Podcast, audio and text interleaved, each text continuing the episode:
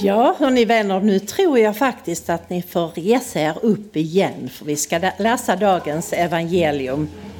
Och det är ju påskdag, så då står vi upp inför, inför Guds ord. Och jag läser från Johannes evangeliets eh, 20 kapitel, vers 1 och följande. Tidigt på morgonen efter sabbaten, medan det ännu var mörkt, kom Maria från Magdala ut till graven och fick se att stenen för ingången var borta. Hon sprang genast därifrån och kom och sa till Simon Petrus och den andra lärjungen, den som Jesus älskade.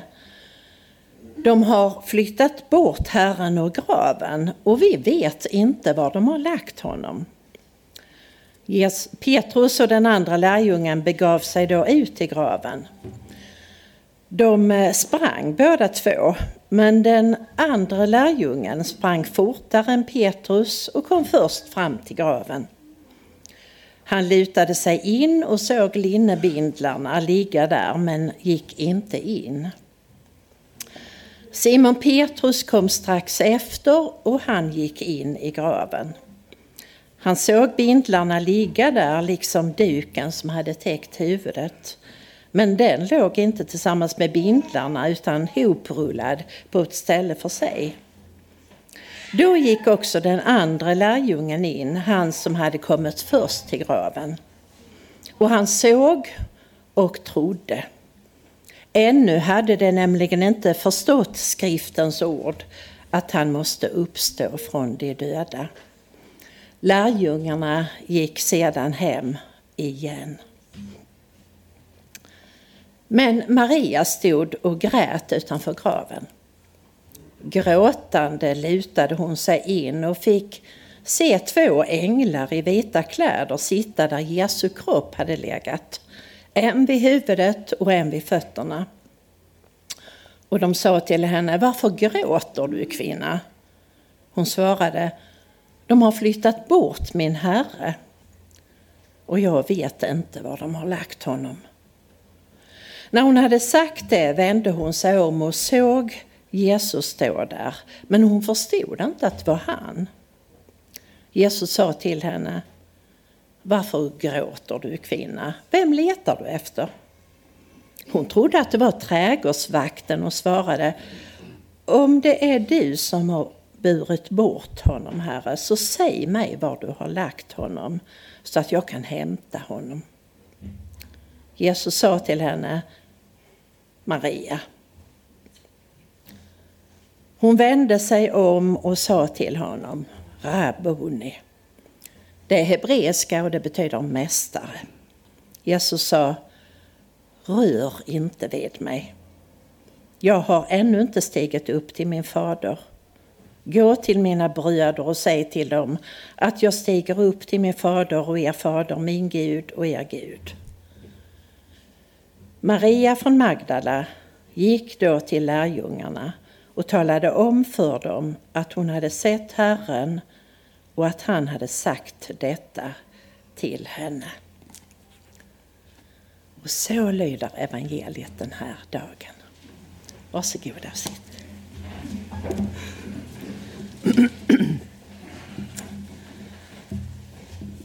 Ja, det var alltså en gång i påsktiden för sådär 2000 år sedan. Några kvinnor hade stått vid ett kors. De hade bevittnat det oerhörda. Att honom som, han som hade, de hade följt dog. Där grät de. De höll om varandra. De sörjde och de såg sina liv slås i spillror. Det hopp som hade växt hos dem, det grusades. Och något dygn hade de nu varit i förtvivlan, i hopplöshet, kanske besvikelse. Och så kommer de då denna morgon till graven för den person som de älskat och aktat. Som de har ställt sitt hopp till.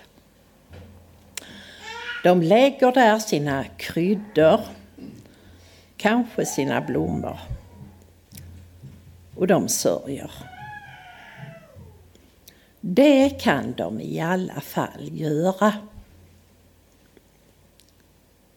Och det är en mänsklig erfarenhet och kunskap djupt förlagd i oss. Att vi kan sörja. De gör det. Men i sitt sörjande blir de överrumplade. Rädda. Förskräckta. Han är ju inte där. Inte ens hans kropp är där. Så i den här friska morgonen står de då där skakade, omtumlade, undrande i sin förvirring och sorg. De, vi, mänskligheten vet att ondskan har sina härjningar att också döden är tydlig. Att förvirringen kan vara total. Och mitt i deras upplevelse av detta får de budet, han är inte här. Han är uppstånden. En av dessa kvinnor som står där är Maria från Magdala. Hon har varit i sällskap med Jesus där i lärjungakretsen, kanske en längre tid. Det är där ihop med dem som hon hör hemma. Hon är en av lärjungarna. Enligt den version av evangelierna som vi läst nu med varandra från Johannesevangeliet så är det Maria från Magdala, eller Maria Magdalena som vi ibland kallar henne, som kommer ensam dit. Oavsett om hon är först där i detta drama eller om hon kommer i sällskap med de andra kvinnorna så var det så att denna påskdagsmorgon förändrade precis allt för henne. I resten av sitt liv så blir hon ett uppståndelsevittne. En legend, och ni vet en legend det är ju mer som en berättelse om. Det är inte liksom historiskt fastlagt något, men en legend är en berättelse som lever. Och det finns en sån legend som berättar om Maria Magdalena. Att hon många år senare, att hon kommer till kejsaren i Rom. Eh, och där blir hon bjuden på middag. Och på den tiden så låg man ju till bords när man åt. Och eh,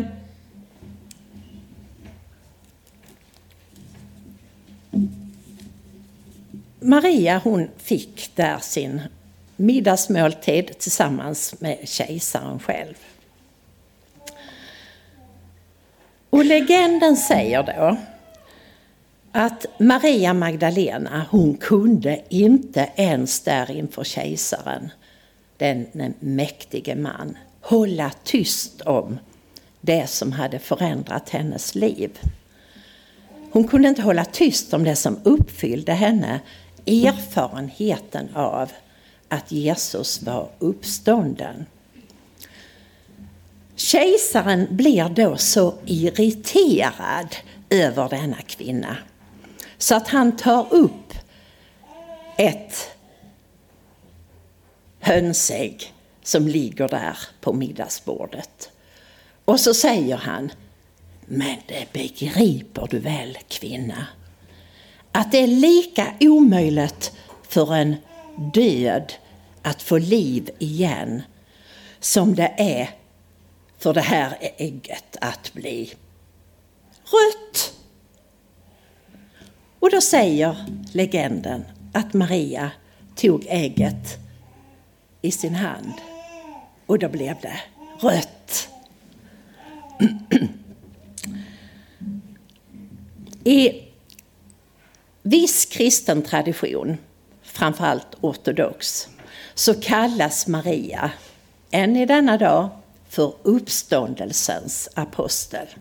Och på ikoner och bilder så syns hon ofta just med ett rött ägg i handen. En symbol för uppståndelsen. Och här har jag en av mina viktigaste och vackra ikoner faktiskt målad till mig. Här ser ni kanske, även ni som sitter långt bak, Maria Magdalena med ett rött ägg i handen. Och Maria Magdalena har alltid, också på ikoner, en röd mantel. Alltså den färg som påminner om smärtan, blodet, ja ni vet, kärleken. Det röda. Denna legend sägs vara skälet till att framför allt i ortodox tradition så gör man så på påsknatten att kvinnor kommer till kyrkan och ställer en skål eller en korg med rödmålade ägg i kyrkan. Och sen ligger de där äggen kvar där i kyrkan och i mörkret till påskdagsmorgonen. Och då kommer biskopen själv dit och välsignar äggen. Och sen efter gudstjänsten, då leker man och festar på ägg och på massa andra godsaker. En sån gudstjänst minns jag särskilt, där jag gick till en ortodox kyrka. Och eh, det var hundratals människor där. Och alla hade kommit dit med sina ägg. Och då slutade gudstjänsten med att alla som hade haft med sig sina ägg gick fram till biskopen och så lekte man leken att picka ägg. Den kan ni va? Eh, man, med den spetsiga änden så slår man mot varandra och den vars ägg inte går sönder får behålla också den andres ägg. Så till slut hade biskopen en jättestor korg med alla äggen i, för han var van att picka ägg. Och sen vid festen efteråt så delades förstås de här äggen ut och alla kunde festa och måla ägg och ha fint och roligt och leka.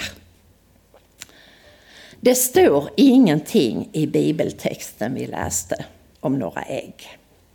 Men ägget har i årtusenden blivit en påtaglig bild för hur det ur det till synes livlösa ändå kan brista fram nytt liv. Att livet är möjligt också när det ser omöjligt ut. Det är vad ägget berättar och det är därför man, liksom i Maria Magdalenas efterföljd, bär fram dessa röda, rödfärgade av lidandet och kärleken i kyrkan och sen får de välsignade. En hälsning om att Kristus är uppstånden. Det var en gång i påsktiden i mitt liv för ganska många år sedan. I mitt liv var det den påsken sorg och förtvivlan, hopplöshet i mitt eget liv Och förvirring och oro präglade min situation. Jag arbetade inte den påsken, så jag väljer bort alla sociala sammanhang. Jag orkar inte gudstjänster och glada påskfester. Istället så åker jag i min ensamhet på konstrunda. Och när jag efter några timmar är ganska mätt på konstverk så vänder jag kosan hemåt. Då hör jag som en maning inom mig att vända bilen och köra mot ett nytt mål. Efter tvekan så följer jag ändå den här inre maningen och så tar jag mig till en utställning som jag har missat. Jag går in där, jag går runt, jag ser och jag drabbas. Det är vackra ägg. En del av dem har sagolika votivskepp inristade i färgen. Några ägg ligger i en korg. De är röda och fascinerande. Och jag förstår. De berättar om att livet är möjligt trots allt att även mitt i hopplösheten och sorgen så göms det ändå möjlighet till liv. Och att det är Guds hälsning genom tillvaron. Just då till mig. Jag drabbas av den här hälsningen där i en vacker konsthall med människor som minglar och viskar och dricker champagne. Och mitt i den här röran ser jag att konstnären själv står. Och jag förstår att hon heter Maria. Jag går fram och så rör jag vid hennes arm och med tårar i ögonen så mumlar jag lite över axeln. Tack Hon förstår genast att jag har förstått. Så hon vänder sig om och så kramar hon om mig och säger Kristus är uppstånden. Ja, svarar jag, mitt där i konsthallen med människor som minglar runt med sina champagneglas i händerna. Och så svarar jag, han är sannoliken uppstånden. Ja, säger vi tillsammans. Kristus är uppstånden. Och så går hon iväg och så hämtar hon ett av sina vackra röda ägg. Och så lägger hon det i min hand som en gåva. Det var en gång i påsktiden. I mitt liv. Nu, vänner, är det 2023. Här, i Väte, i Sverige, i världen. Vi hör om skolskjutningar, om terrordåd, om politiskt elände, om jordbävningar allt mot en fond av ett förfärande krig och ett överhängande klimathot. Än en gång har de där Jesusorden som vi helst värjer oss för också kunnat bli tydliga.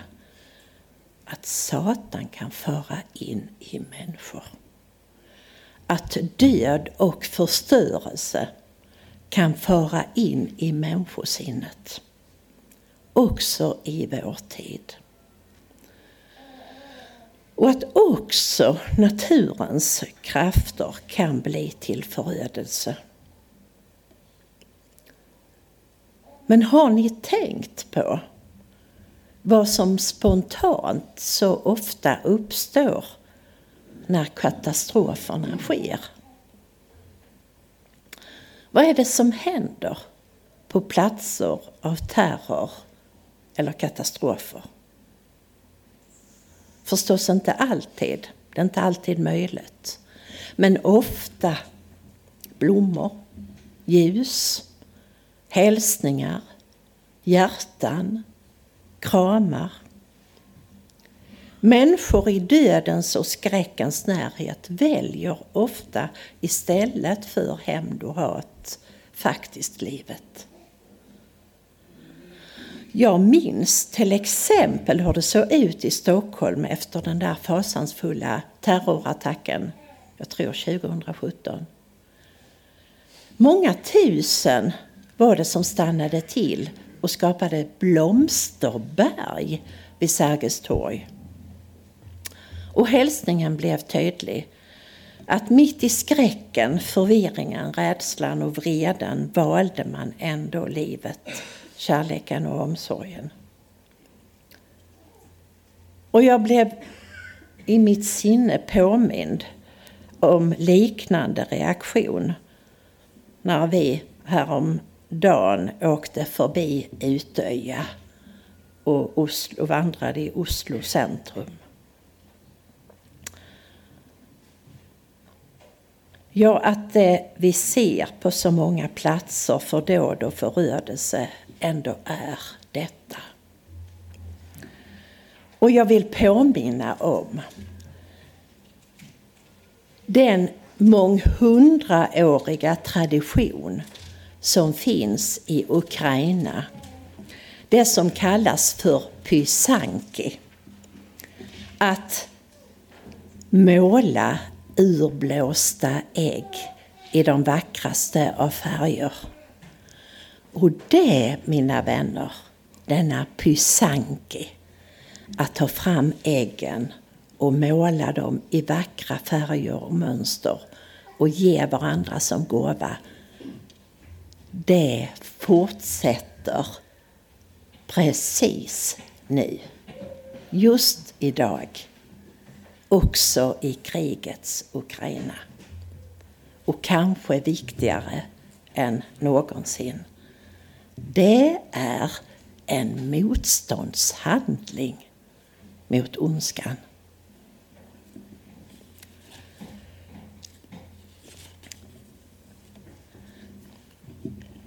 Kvinnorna kommer i sin förtvivlan över katastrofen till Jesu grav. De bär med sig kärleksgåvor, kryddor, blommor. De väljer i sin sorg ändå livet och de möts av hälsningen att han är inte här, han är uppstånden. Hälsningen till dem blir Välj också ni livet. Fortsätt att berätta att livet ändå segrar. Sörj inte som de som är utan hopp. Dela kärleken och omsorg på det sätt som ni kan. Gör det goda. Lek. Sjung. Måla påskägg. När jag i min sorg och förvirring mötte en medsyster som såg mig så blev vår hälsning till varandra Kristus är uppstånden. Ja, han är sannerligen uppstånden. Och hennes gåva till mig, det där lilla röda ägget, det blir en ständig påminnelse för mig om att livet segrar och att också jag kan aktivt välja livet. Påsken är i varje tid Guds kamp mot det onda. Och som Gud bjuder in oss till. Genom död till liv. Uppståndelsen är därför för alla tider tecknet mot svek och krig och våld och terror. Korset leder till uppståndelse. Försoningen är att leva kärlek även rakt igenom detta. Och det är ett nödvändigt tecken för att vi inte ska gå under. Ja, här, ondskan härjar ännu. Också genom svek och elakhet och likgiltighet. Men Gud säger att det ändå inte är sista ordet. Vi tror och bekänner att Gud genom Jesus Kristus lever, dör och uppstår och att det blir Guds avgörande handling för att liksom älska världen tillbaka till sig som det var tänkt. Genom försoning hela den skada som uppstått mellan Gud och mänskligheten. När de första vid graven, den tidiga kyrkan och vi genom historien är med och bekänner Jesus som död och uppstånden så är vi med och blir vittnen och budbärare. Och nu är det vi här tillsammans med andra människomiljoner runt över världen som är med och ska fortsätta det här uppdraget. Att älska världen tillbaka till Gud. En intressant notering om evangeliets berättelse om uppståndelsen. Det är att Jesus som uppstånden faktiskt bara visar sig för sina egna. För dem som levde i tillit till honom. Han visade sig inte för någon myndighet för att undret skulle bekräftas eller för att tvinga till bekännelse. Och frågan är ju förstås, kan man ens tro på denna uppståndelse? Och den frågan har kristna i alla tider levt med. Och därför skriver också Paulus senare i ett brev till församlingen i Korint. Om inte Kristus har uppstått, då är er tro meningslös. Så det är genom tron och det betyder då inte ett försanthållande, att jag begriper det här. Nej, tro betyder tillit. Att lita till Kristus. Att ha tillit till att kyrkan bär detta uppdrag att älska världen tillbaka till sig. Så varje berättelse om uppståndelse rymmer alltid uppmaningen att gå och berätta, att leva i kärlek. Kvinnorna vid graven gör det trots att de möts av oförståelse och förnekande också av Jesu lärjungar. Men de fortsätter. Och Maria från Magdala, hon med det röda ägget i sin hand, hon blir ett vittne, det främsta, om uppståndelsen ända tills hon själv lider martyrdöden. Kristus är uppstånden. Han har gått sin väg. Stenen rullas undan. Så sök honom inte i graven. Sök honom där ute i det pulserande livet. Kanske möter du honom faktiskt. Ja, kanske inte i skinande vita kläder. Utan kanske i en medmänniskas blick. Kanske i en förtvivlad människas grumlande, grumlade uppsyn. Eller kanske i ett barns klara ögon. Han kommer då att vilja dig någonting. Vilja att du gör någonting. För berättelsen om att Jesus dog och uppstod förändrar faktiskt hur vi ser på oss själva, på varandra och på världen omkring oss. Amen. Vi ber tillsammans. Välsignad är du, allt levande skapare. Välsignad är du som förlåter och befriar. Välsignad är du, alltings ursprung och mål.